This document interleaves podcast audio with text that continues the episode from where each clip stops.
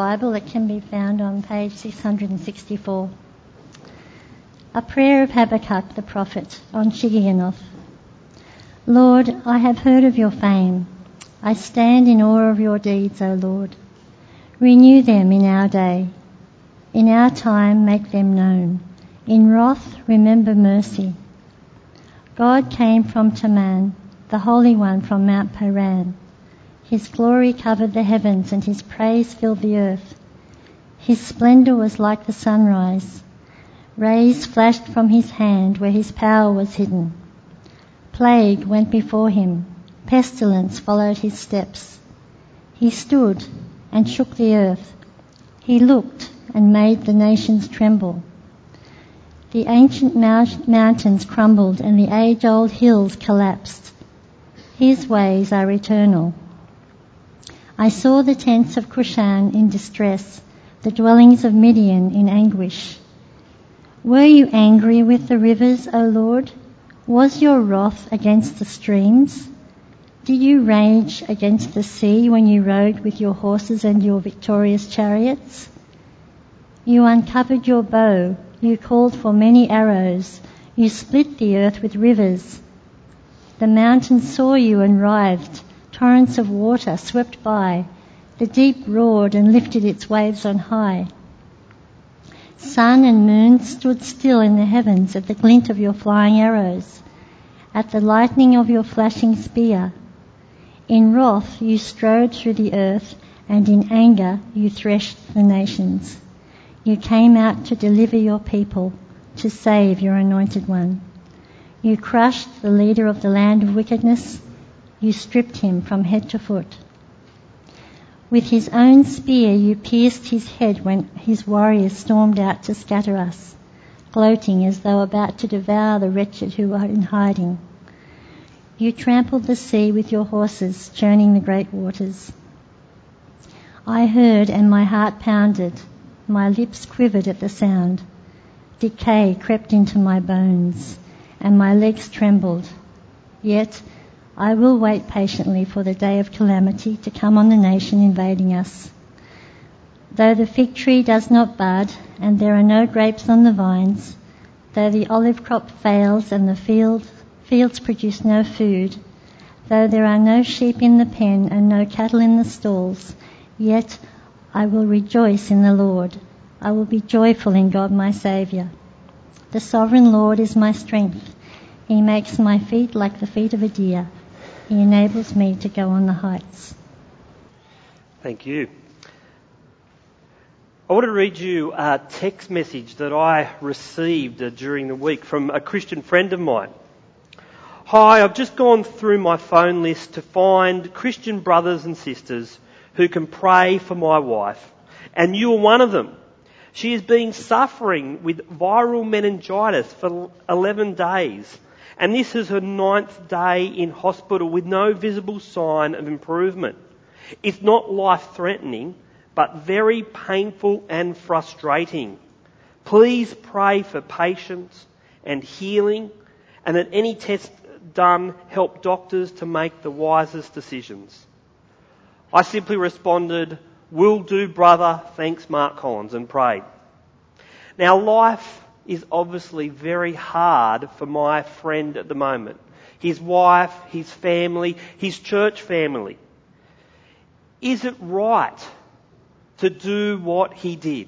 Is it right to go through his phone uh, list on his contacts on his phone and message all his Christian friends asking them to pray?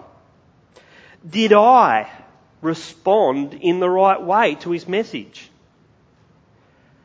How do you respond when life gets tough? How do you respond when life gets tough?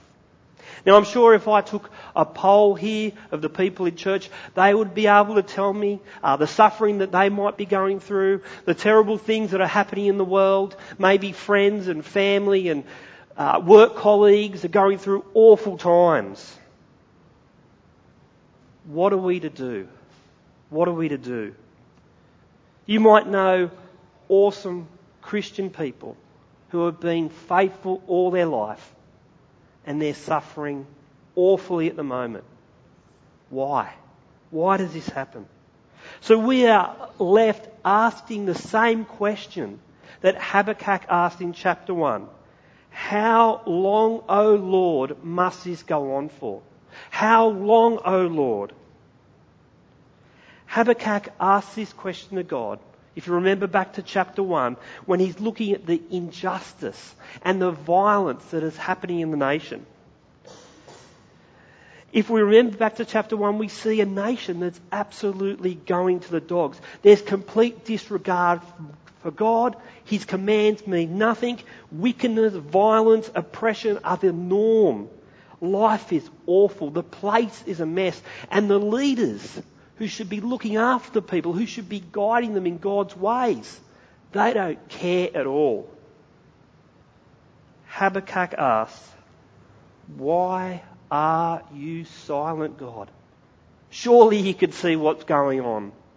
Why are you silent? God answers in chapter 1, doesn't he? He says, I am not silent. I'm not just standing back, looking on at afar. I'm building up the Babylonian Empire to be my instrument of judgment. Now Habakkuk thinks this is an awful idea. How can it, it's just going to go from bad to worse. How can God think this way? He would have heard stories of the Babylonian Empire expanding, taking over cities, smashing armies in its midst. He's thinking God has got this completely wrong. What on earth is God doing at this time? So Habakkuk asks the second question in chapter 1. God, you are holy. Surely you can't stand back and see further injustice happen. How can this wicked nation judge your people? They're worse than what's going on at the moment. How can this happen? God replies in chapter 2 Don't worry. I will judge the nation of Babylon in time. But what I want from you, Habakkuk, I want you to live by faith. Despite the circumstances, I want you to live by faith. So here, as we hit chapter 3, there's a prayer of petition like you might see in the book of Psalms. And you might have noticed in our Bible reading that the prayer is full of musical terms, isn't it? If you flick to the last verse, what do you read? For, for the director of music on my stringed instrument. See, this prayer is meant to be remembered. It's meant to be communicated to all God's people across time. It's meant to be used as a psalm of worship. But hang on, we've just heard all the awful stuff. And now there's this psalm of worship, uh, a prayer of petition. What's going on? Well, friends, this prayer is here for a reason. It's here because it actually helps us as well. It helps those who are going through tough times. It helps those who are about to face tough times. It's a prayer for the righteous who live by faith. So this morning we're going to look at three things in this prayer. First, Habakkuk's request to God in verse 1. Second, uh, remembering God's mighty acts. And then last, Habakkuk reflecting on how great God is. Thinking of what has happened previously in Habakkuk, it seems as we come to verse 2 of chapter 3, the tone has changed completely. God's answers to Habakkuk's complaints in earlier chapters has actually changed him. So we read in verse 2 this request Lord, I have heard of your fame. I stand in awe of your deeds. Lord, repeat them in our day. In our time, make them known. In wrath, remember mercy. Doesn't seem like he's complaining anymore. Seems like God is powerful. And Habakkuk is asking God to manifest this great power that he's done in the past to use it in the present situation that Israel are facing. See, this is a personal reaction, a personal reaction to God after reflecting on how great He is, His power, His sovereignty. And Habakkuk knows after this reflection that God has proved Himself time and time again in biblical history that He is true and faithful to His promises. Despite the circumstances that Israel and Habakkuk will face, he knows that God can be trusted. So we ask God to make these awesome deeds known. Make them known now. He remembers God's good character. He remembers that God is also one who judges.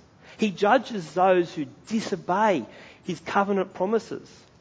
But he also reflects on God's love and mercy, doesn't he? He reflects on God's love and mercy. And he knows that God is merciful for those who obey and trust in him.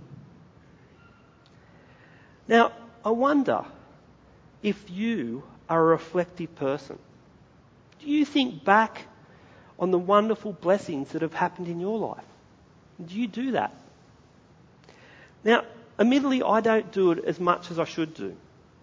But this week, I did, I had the opportunity to do this because I was talking to my neighbour who's about two doors up the road. And he's just had his first baby. Baby Isaac. Baby Isaac's now three months old. Now, if you're a dad and you've had your first child, it's the best thing ever, right? This, this guy, uh, he, he spoke to me obviously about the fatigue and the sleepless nights. But that was just only a small part of the, con- the conversation. The rest was about how joyful, how great it was that he has seen this little baby grow from something so small to something a bit bigger in just the three month period. He was telling me how much of a blessing this little baby has been to him and his wife. He was so, so happy and so thankful for this little baby being in their lives. Now, I was uh, walking my dog at the time, so I stopped and had a conversation with him. And I walked a little bit further down the road. And I started to think about my three boys. I started to think about how much of a blessing that they've been to my life. Yes, and despite uh, things happening with young children and uh, you know good things and bad things, overall they have been such a blessing to my wife Rachel and me. Are you a reflective person? Do you reflect on the great things that God has done in your life? Habakkuk remembers God's mighty works in biblical history. In this part of the prayer, verses 3 to 15, he particularly reflects on certain events in biblical history. There's allusions to the Exodus. There's allusions to God's people wandering in the wilderness on, en route to the promised land.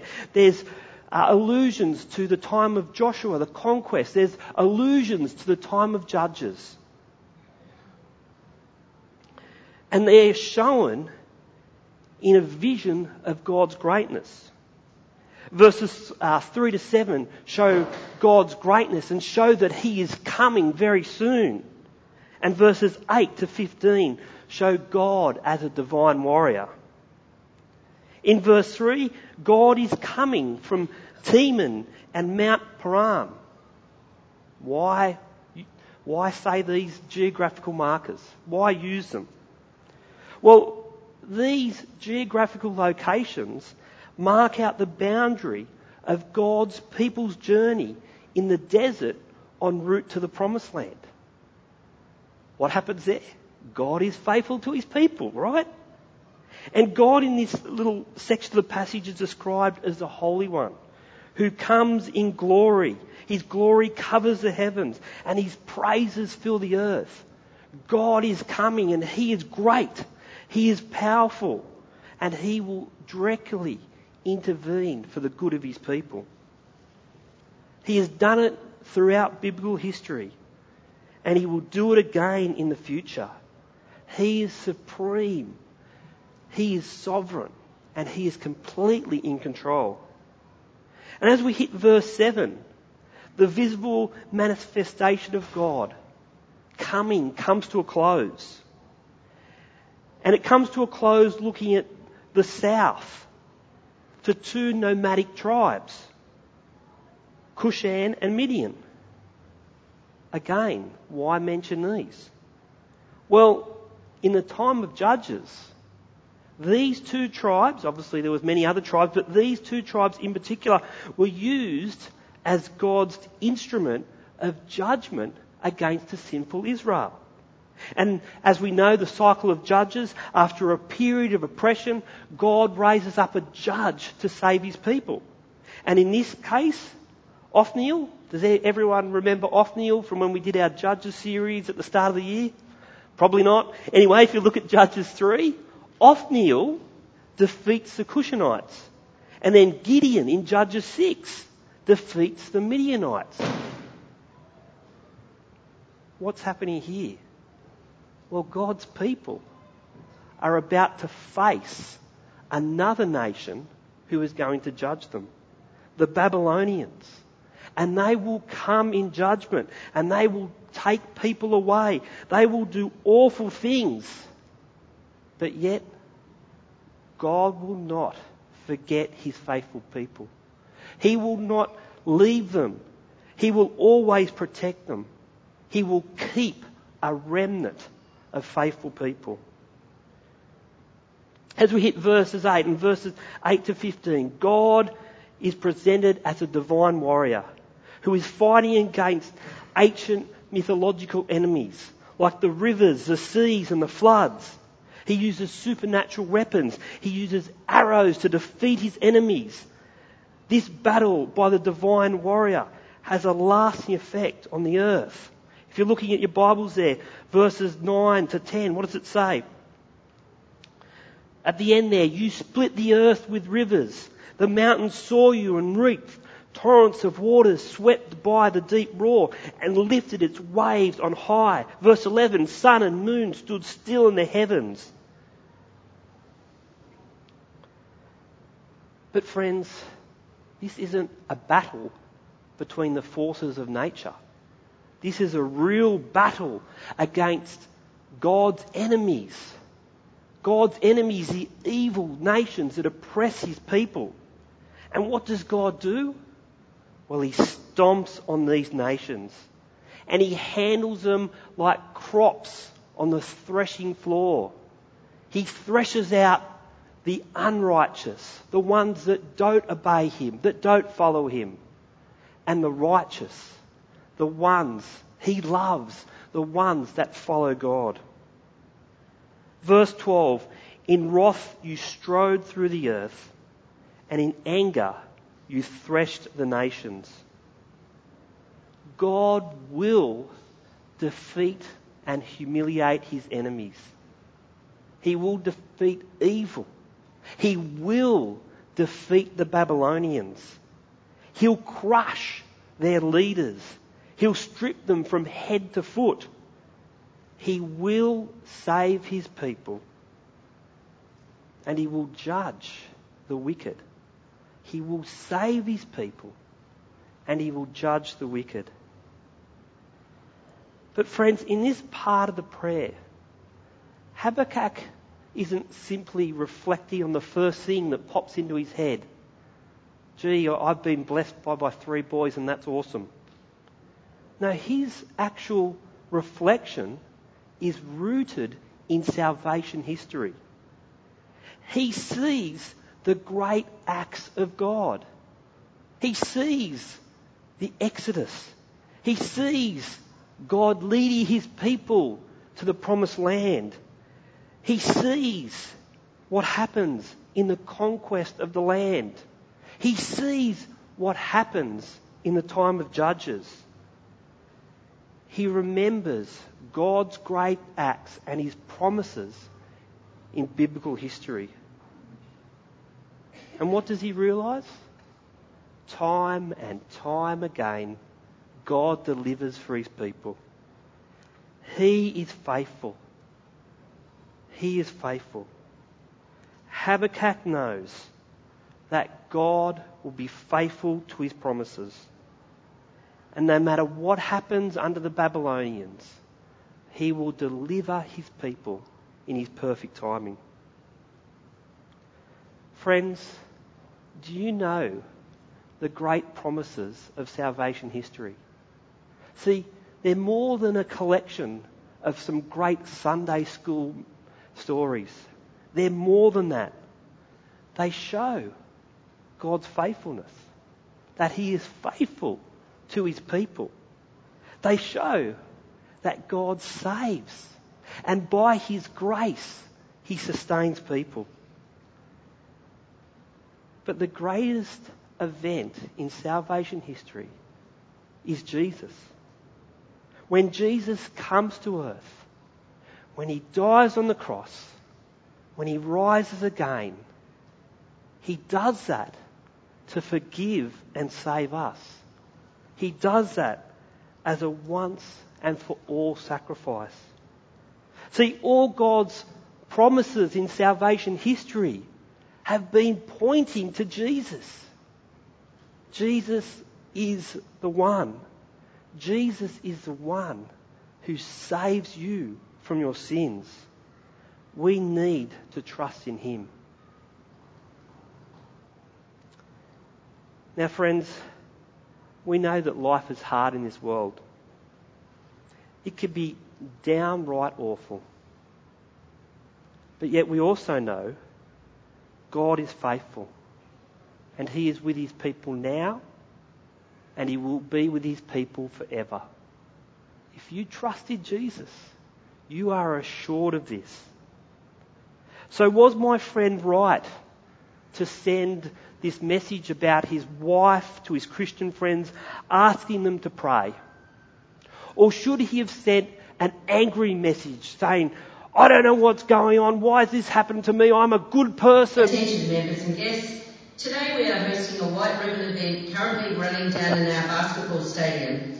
There's complimentary rock climbing, jumping castles, fairy floss and food outlets and lots of fun for the children. Please come down and check it out. Don't leave yet, alright? Okay? Don't leave yet. Uh, so was my friend right to send that message? Or should he have got angry? Should he have said, why is this happening to me? I'm a good person. My wife's a good person. We've done well in life. Why are you doing this? No, as you know, he was right under the circumstances to turn to God in prayer. He was right to tell his Christian brothers and sisters to pray. And why does he, why is he right? Well, because God is faithful, friends. God is faithful. He will never let go of those who trust in Jesus. He promises to be there through the awful times in life and also the great times in life. God is with you and He promises that the best is yet to come. He promises eternal life for those who trust in Jesus. As we come to the last section of Habakkuk, we see that Habakkuk is no longer scared of God. He knows that he will save. He is in awe and reverence of him. God is great. Habakkuk is no longer a complainer. He's an example of how the righteous live by faith. He has great resolve. He says firmly, I will patiently wait despite the circumstances.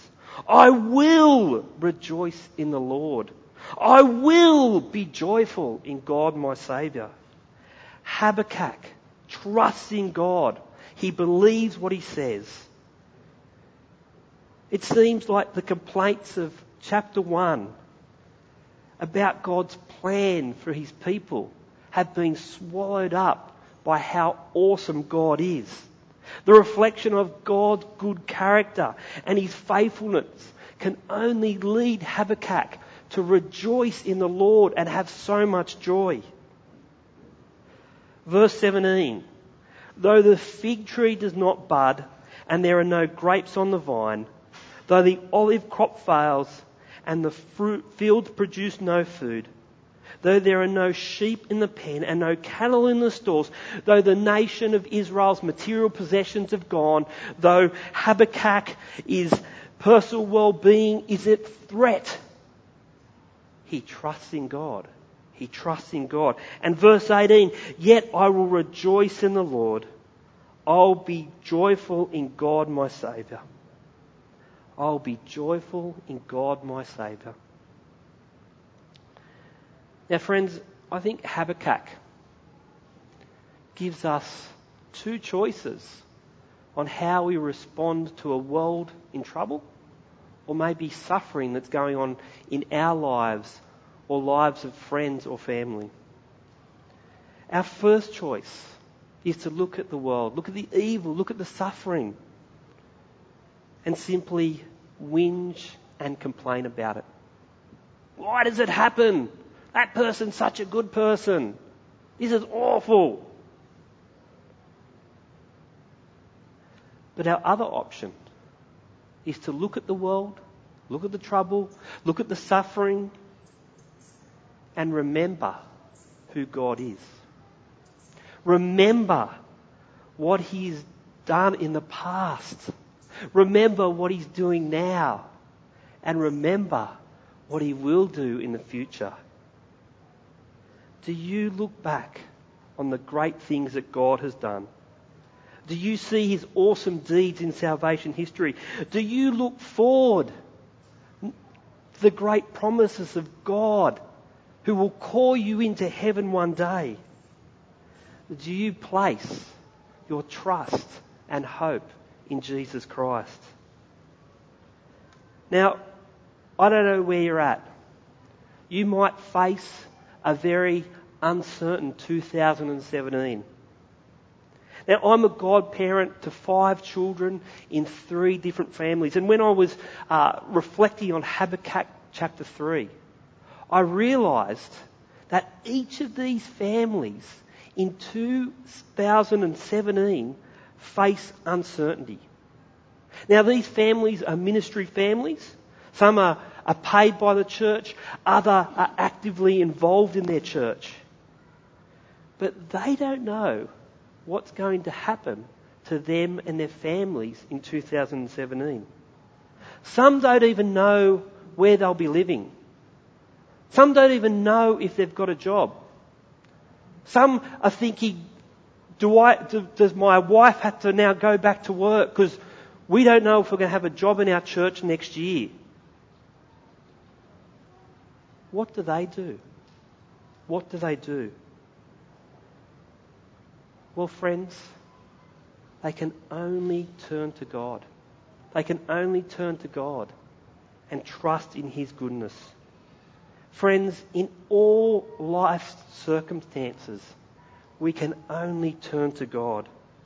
We can reflect on His faithfulness. His faithfulness, which is ultimately displayed in the life, death, and resurrection of Jesus. And we can place our faith firmly in Jesus. Despite your circumstances, God is for you. He who did not spare his own son, but gave himself up for us all, how will he not also, along with him, graciously give us all things? Romans 8:32.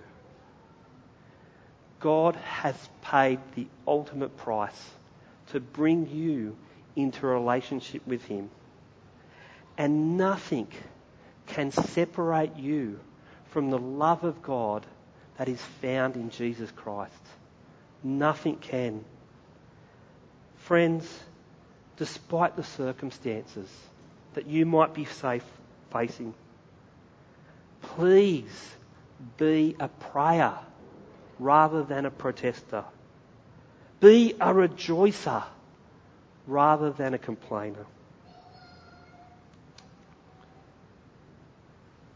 in Habakkuk chapter 3, God's people were going to get smashed by the Babylonians. They needed this prayer. They would need this prayer in the 70 odd years of exile in Babylon. They would need this prayer until God raised up Cyrus the Great, who smashed the Babylonians and allowed the Israelites to go back to the promised land. We need Habakkuk chapter 3. We need it because our lives are messy. We live in a messy world. But what are you going to do? Are you going to complain? Are you going to protest about the situation? Or are you going to choose to be prayerful? Are you going to choose to rejoice in the Lord?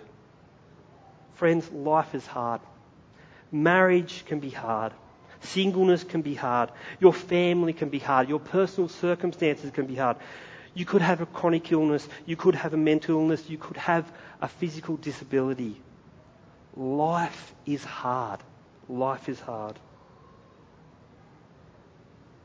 But be assured, despite how hard life can get, that God is with you. He assures us that He is faithful. He has been faithful from the beginning. He will be faithful to the end. Be assured that He will deliver you from a world of trouble, a world of suffering, a world of sickness, into a perfect, eternal home at His perfect timing. Friends, be patient. Pray. Rejoice in the Lord. The sovereign Lord is our strength now and forever. Amen. Let me pray. Father God, we thank you so much for all that you have done through your Son, Jesus Christ. Father, we thank you that you are faithful and that faithfulness is displayed in Jesus' life, death, and resurrection. We thank you that your great love is displayed in the forgiveness and the salvation that comes through Jesus' death and resurrection. Father, help us to be people that turn to you, to be people that pray and rejoice in the great things that you have done. Amen.